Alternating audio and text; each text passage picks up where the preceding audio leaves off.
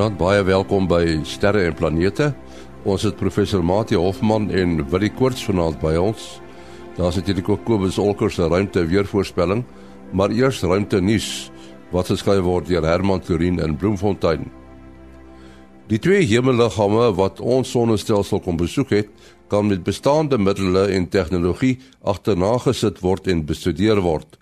Aldus navorsers wat meen dat sou 'n tuig so groot soos New Horizons wat Pluto besoek het teen 2021 op die nuwe Falcon Heavy van SpaceX gelanseer kan word, kan dit teen 2049 by die sigaarvormige Oumuamua aankom.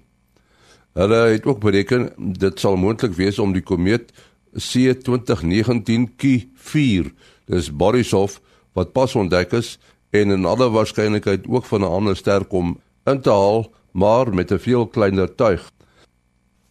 Met die VSA se planne om teen die tweede helfte van 2024 weer mense op die maan te laat wandel, moet die proses om die Gateway ruimtestasie om die maan te laat wendel ook momentum kry.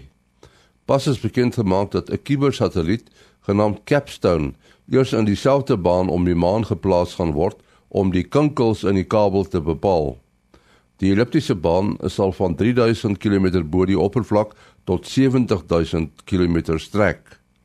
Die maanoppervlak het verskeie kolle waar die gravitasiekrag veel hoër is as andersins. Skynbaar veroorsaak deur voorwerpe wat op die maan geval het. Gateway se omwentelings om die maan sal waarskynlik eerder deur die Lagrange punt beïnvloed word, deurdat die roete net buite die punt se gravitasie-neutrale punt verbyloop en die stasie se hoogte dus gereeld aangepas moet word. Die idee is dat sendinge na die maan by Gateway sal aandoen en van daar met 'n landingstuig op die maan neergelaat sal word. Om regstreeks van die aarde op die maan te land, sal veel meer brandstof gebruik. Gateway sal ook as halfwegstasie na Mars dien. Tot sover dan ruimtenis wat soos ek gesê het geskryf is deur Herman Turin in Bloemfontein. Nou ruimte weer. Hier is Kobus Olkers. Verlede week het ons toe 'n bietjie eh, 'n uh, interessante ding gehad met 'n filament wat losgekom het in die suidelike halfrond van die son wat ons uit teen Woensdag se koers toe getref het en uh hy het bitter min verskil gemaak uh aan aan uh aan enige dinge soos GPS en en die soort van dinge maar uh, ons langafstand luisteraars het wel deeglik agtergekom dat die frekwensies vir 'n ruk lank deurmekaar was. Ehm um, maar hy sê effek is nou oor en daar sit nog 'n filament op die son, maar hy is op hierdie stadium amper afgeroteer. So al wat hy kan doen is as hy platval kan hy hydervakkel veroorsaak wat uh, die ekstrale bietjie opstoot en dan natuurlik ons ionosfeer beïnvloed daarmee. Maar ek dink die kans daarvoor is baie skraal. Wat 'n werklike ding is hierdie week wat interessant is, is uh, ons het 'n korona gat wat nou geo-effektief is. En ons luisteraars daar ver in die noorde wat so na die auroras kyk, uh, kan maar weet hulle moet veral vroeg in die week uh kan hulle maar saans gerus uitgaan en gaan kyk na hulle auroras. Ja, dit behoort baie skouspelagtig te wees. Vir ons mense wat nou nie so gelukkig is om in die aurora vlakke te wees nie, ons kan sien dat die langafstand frekwensie-gebruikers of uh, kortgolfgebruikers ehm um, hulle gaan dalk 'n bietjie probleme hê so so deur die vroeg vroeë deelte van die week met al die sonwind wat nou hard blaas van die koronagat af. En dan is daar nog 'n klein filamentjie ook in die suidelike halfrond van die son, maar ek glo nie hy sal ooit geo-effektief raak nie. Hy's te ver sy daarvoor. Hy sal aan die onderkant van die aarde verbyblaas. Nou ja, dit is ons storie vir hierdie week. 'n Paar interessante dinge. Goeienaand almal. Kobus Holkers op sy pos daar in Florida, Amerika. Willie Koorts en uh, Mati Hofman is by ons in sterre en planete vanaand. En uh ja, ons kry nogal so nou en dan die vraag wat jy weer onder die indruk bring dat mense nie altyd besef hoe ver en hoe groot goed in die ruimte is nie. En ek onthou uh Dr. Japie van Sail het op 'n keer gesê en dit is ook 'n antwoord op 'n vraag gewees. Uh hoe lank sal dit 'n mens vat om byvoorbeeld na die naaste ster te gaan? Die naaste ster is natuurlik nou in die geval nie die son nie, maar Alpha Centauri of uh, Proxima, een van daai twee en hy is 4,3 ligjaar weg. Nou hoe hoe lank sal dit vat as 'n mens 'n satelliet se spoed vat wat 29000 km/h is? Toe Japie gesê as jy daai spoed vat en jy wil Alpha Centauri toe gaan, dan gaan dit jou 80000 jaar vat. So dit gee my daarom so 'n bietjie idee, né, nee, Willie? Uh, ja, nee, dit is dit is beslis die die die hulle hulle in Engels sê they don't call it space for nothing. Hulle noem dit ruimte verniet nie, nee, dit is uh, 'n uh, geweldige afstande tussen tussen goed en dan selfs ook dan grootes van goed. Nou, 'n um, interessante briefie wat ons hier gekry het van uh, Pieter Kelbrick um wat hy sê sy hy's van Queenstown hy sê sy vrou spot hom en dat sy sê hy verstaan net die helfte van sterre en planete. Maar hy sê dit dit is seker so. En uh uit die erns gelees dat uh as 'n vliegtyg teen 800 km/h om Betelgeuse sou vlieg, dan sal dit 12 jaar neem om om eenmal om om die ster te vlieg. So groot is Betelgeuse. En uh, hy sê toe hy nou eendag dit daar vir iemand sit en vertel, toe sê hulle nee, hulle kan hulle kan dit nie glo nie. Toe gaan doen hy sy eie sommetjie en uh, hy het sy vliegtuig 'n bietjie vinniger gemaak. Hy het hom 1000 km/h laat vlieg en hy het bietjie op Google die die, die grootte van Betelgeuse gekry wat 600 miljoen myl is. So hy het nog al 'n taamlike sommetjie hier gedoen om te verander na kilometers toe en wat ook al en toe kry hy 328 jaar wat dit die vliegtyg gaan vat om eenmal om Betelgeuse te te te vlieg. En nou dink hy hy het ergens 'n berekeningsfout gemaak van van 12 jaar na 328 jaar is nog al 'n taamlike verskil. Ja, so ek het toe nou ook my eie sommetjie gou gaan doen en die eerste is natuurlik om te bepaal wat is die deursnee van Betelgeuse. Nou ehm um, Wikipedia gee hom op 'n interessante manier aan. Wikipedia gee vir jou dit is soveel maal die radius van die son en hy gee twee bronne, die een sê 887 maal die grootte van die son en die ander sê 955. Toe ons sommer die gemiddeld tussen die twee gevat en ehm um, daar kom ons op 921 maal groter as die son self. En as jy dan uh, die die berekening doen ek het weer uh, sy 1000 km/h as 'n vliegtuig se spoed gevat en uh, toe kom ek op 460 jaar wat dit gaan neem om eenmal om Betelgeuse te vlieg as jy nou reg op die oppervlak vlieg. En hy het gekry 328 ja so dit uit die aard van die saak hang dit nou af van wat jy gaan aanneem is die uh, is die deursnee en uh, dit jou inligting gaan jy natuurlik nou maar by verskillende bronne kry. Ehm um, maar hoe dit ook al sê dit is een massiewe ster. Daar word dikwels gesê dat as Betelgeuse in on, ons son se plek sou gewees het, sou ons binne in die ster gewees het en die ster sou nog uitgegaan het tot die uh, maan van uh, die baan van Mars. So dit is in die hart van die saak 'n massiewe ster. Nou uh, een van ons sterrekundiges het dit altyd ook verduidelik om net dit mooi te verstaan omdat die ster nou al so uitgeswel het. Um is dit eintlik 'n baie warm vakuum en uh so selfs hier by die aarde waar ons sou binne Betelgeuse sou wees sou dit uit die hart van die saak baie effektief baie hoë vakuum hoër as wat ons selfs op die aarde kan pomp sal jy dan binne in hierdie hierdie ster jouself beleef. Maar uit die hart van die saak sal uh, planete nou nie baie lank in 'n wentelbaan bly nie hulle sal in spiraal na die na die na die middelpunt van uh van van Betelgeuse toe. Ja, uh, Mati, het jy het jy ook die sommetjie probeer? Hey, ja, ek was 'n bietjie leier as jy. Ek het die ehm um, deursnee afgerond na 900 maal die deursnee van die son net om die die berekening so bietjie makliker te maak, bietjie meer nulle te hê en ek kom dan ook uh, net so bietjie korte tyd 430 jaar uit. Maar dit gee in elk geval 'n goeie idee.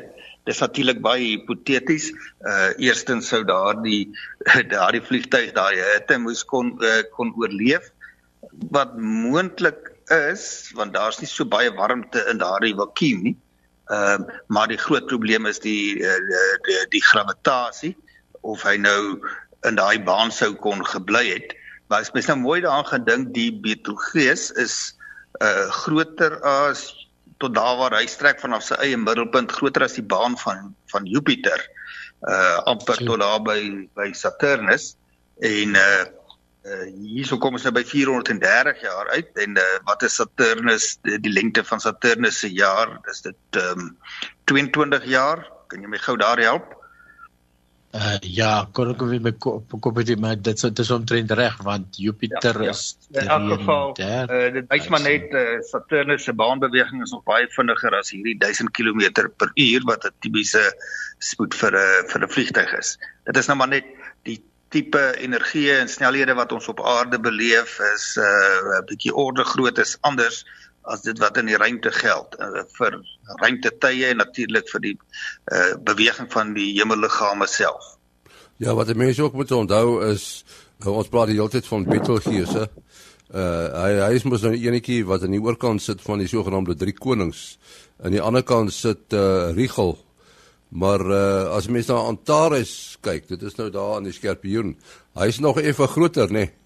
Ek dink hy's ek dink hy's groter. Dit is nou interessant dat ehm um, uh dit is nou 'n hele klomp jare terug het hulle al 'n foto gewys wat hulle met die Hubble teleskoop van Betelgeuse genoem geneem het wat hulle inderdaad kon om oplos kon uh, aantoon ehm um, dat dit nie maar net 'n ligpunt is nie.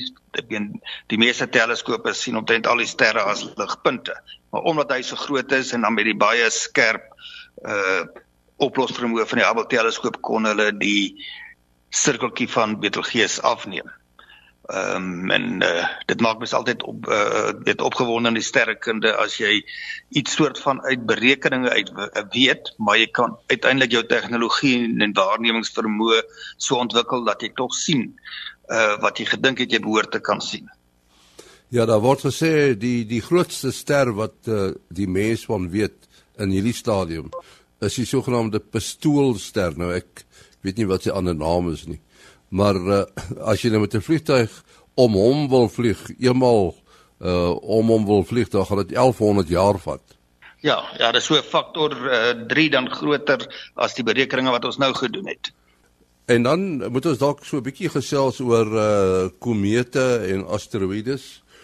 Uh die komeet snelheid uh wat 'n ou tipies het uh, as hy deur die son gevang moet word. Kyk, die komete gaan mos maar meestal om die son en kom dan weer terug. Maar nou is daai komete ons het dan nou al van hom gepraat, die ene wat ons gedink het uh daai Oumuamua 2 uh Borisov uh, lyk my uh, lyk my nie hy gaan deur die son gevang word nie. Uh ja, dis korrek. Ja, soos soos laas keer ook gesê het die die baan ehm um, hulle hulle praat ook van 'n interstellêre komeet. So dit wil sê die komeet het van ergens af gekom buite ons ons uh, sonnestelsel uh, en moontlik dalk seker die sterrestelsel. Nee, ek is nie seker daarvan nie. Maar ehm um, die die uh, komeet het uit die aard van die saak tussen die tussen die sterre deurgeswerf en ehm um, en en toevallig op die op ons sonnestelsel afgepyl kan jy maar sê en en en gaan nogal taamlik naby die son verby so 1.4 astronomiese eenhede so dit wil sê en ons is op een astronomiese eenheid van die son af.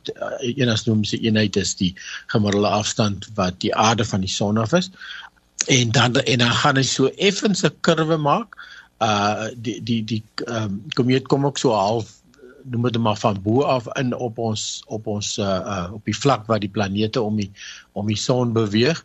Uh en en gaan so effens 'n kurwetjie maak want kom wel naby genoeg dat die son sy baan gaan affekteer maar uh daar's da nie genoeg um uh, ja das ek neem aan te veel voorwaartse snelheid uh nie genoeg energie dat die son die komeet kan gryp en dat dit dan in 'n in 'n geslote baan in 'n en wat ons noem 'n elliptiese baan uh uiteindelik beland nie. Ja, so dat dit gaan wel deur die son geaffekteer word, maar nie maar nie gevang word nie.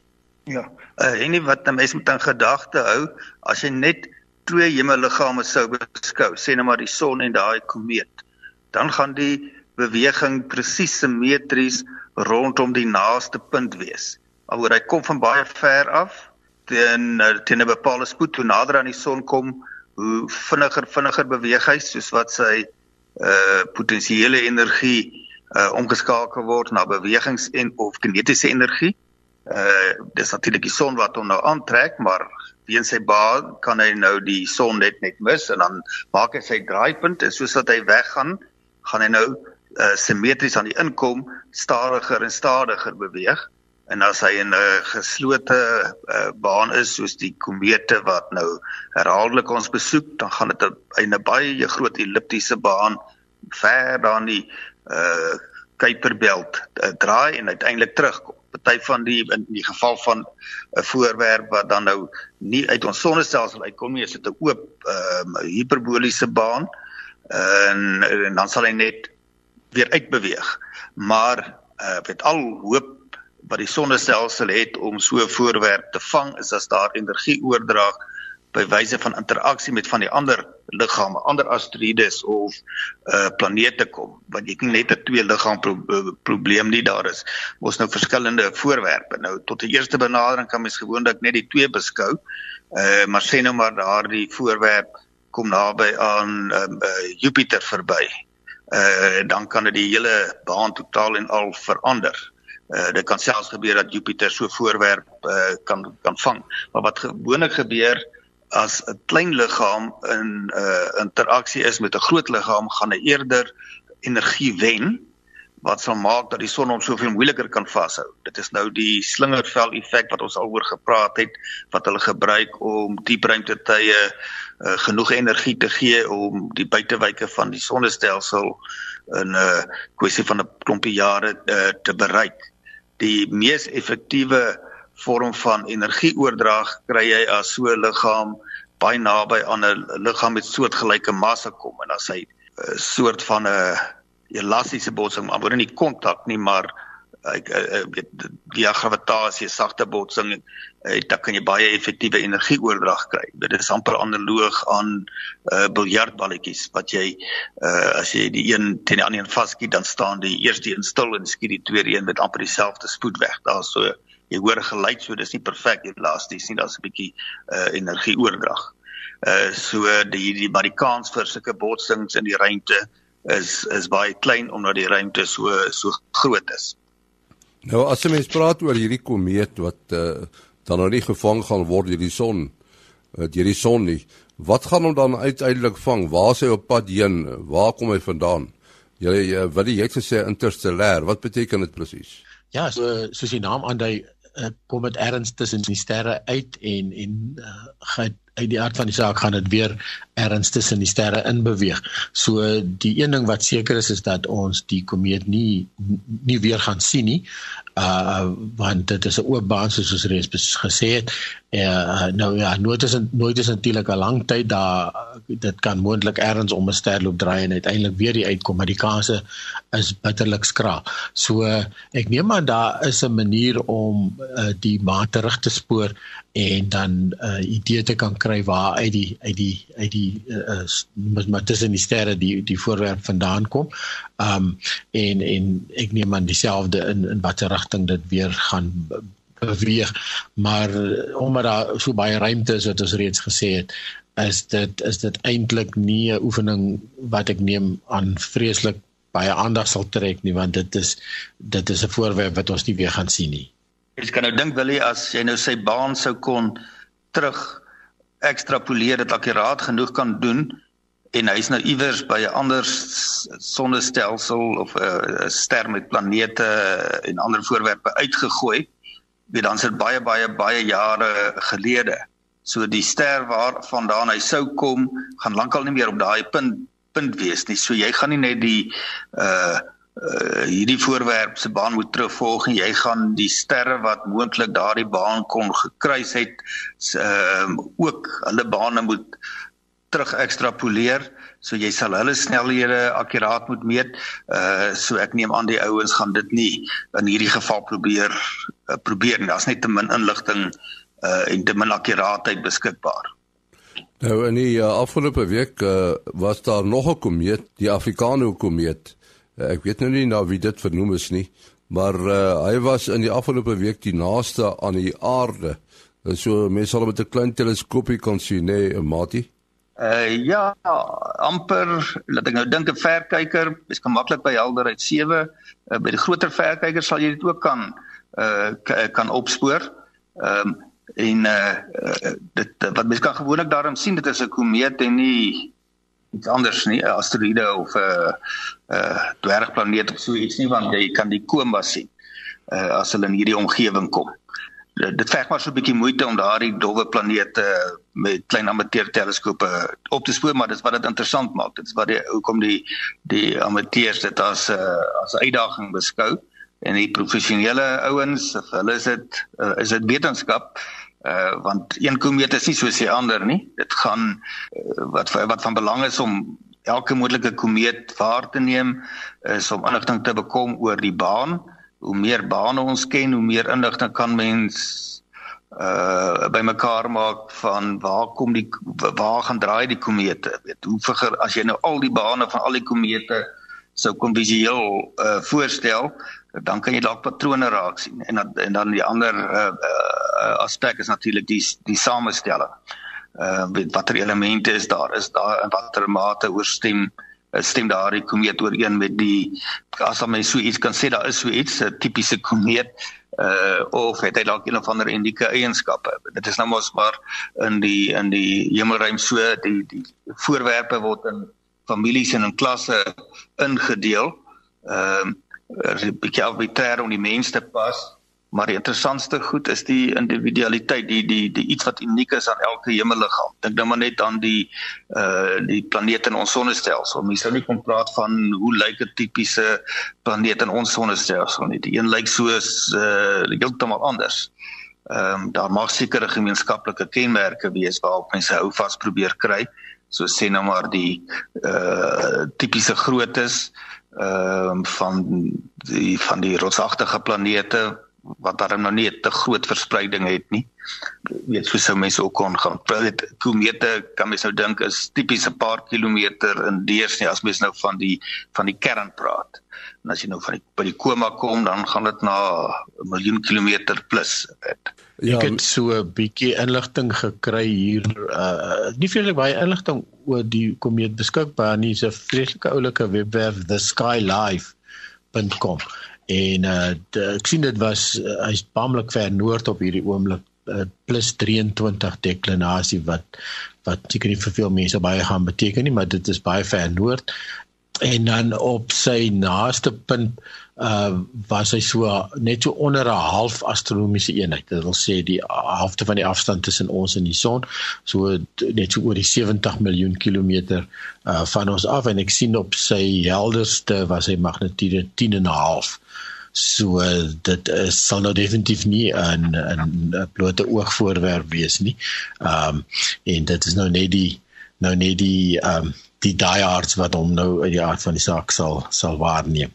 Is hy op pad na die son toe of is hy op pad weg van die son af?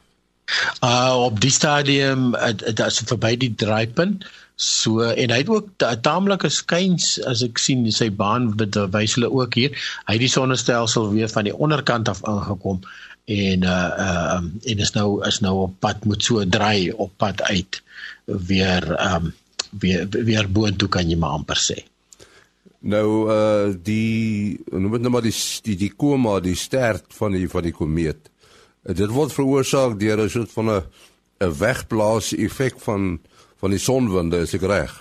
Ja, dis reg die ou uh, geuite uh, maklike model om te verstaan van 'n komeet is is vuil sneeubal en die vuil is natuurlik nou omdat daar ook uh, met hom as stof en grond en die klas van goeters 'n deel is van die van die komeet se samestelling en dan is daar baie bevrore gasse wat in die koue van die ruimte uh, uh, gegaan in 'n noem dit maar 'n ysvorm gaan sal sal wees en um, dit sal dan uh, as dit nader by die son kom begin hierdie gasse af te kook kan jy amper sê.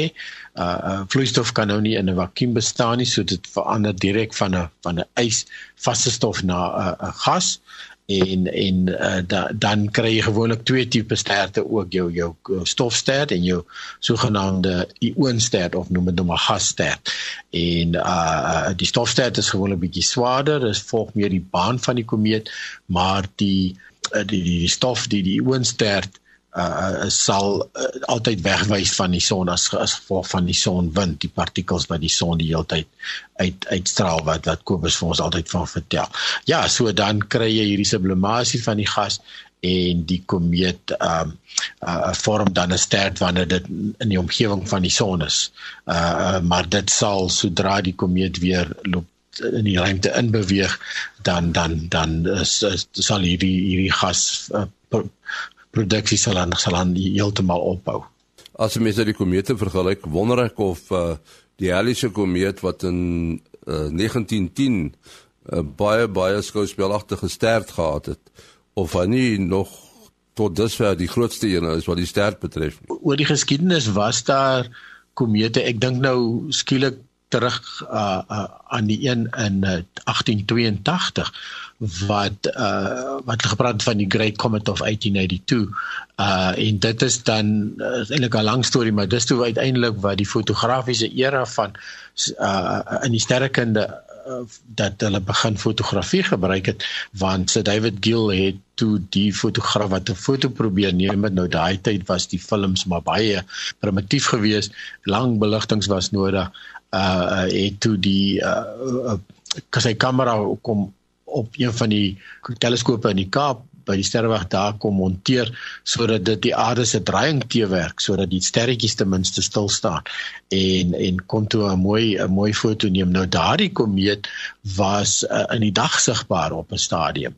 So uh, ek neem aan die ster sou nie sigbaar gewees het nie maar seker die die kop van die komeet die die die die kern van die komeet. So uh, en en om op daai primitiewe film te kon registreer uh dink ek is dit was dit nogal uh skouspelagtig.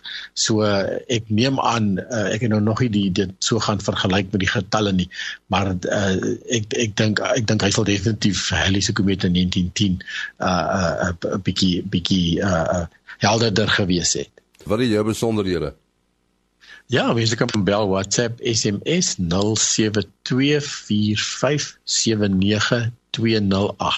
0724579208. En dan Mati? 0836257154. 0836257154. En dan my e-posadres maas.henny@gmail.com. maas.henny@gmail.com. Ek kan die adres ook gebruik as jy vra aan ons wil stuur. Tot volgende week. Mooi bly.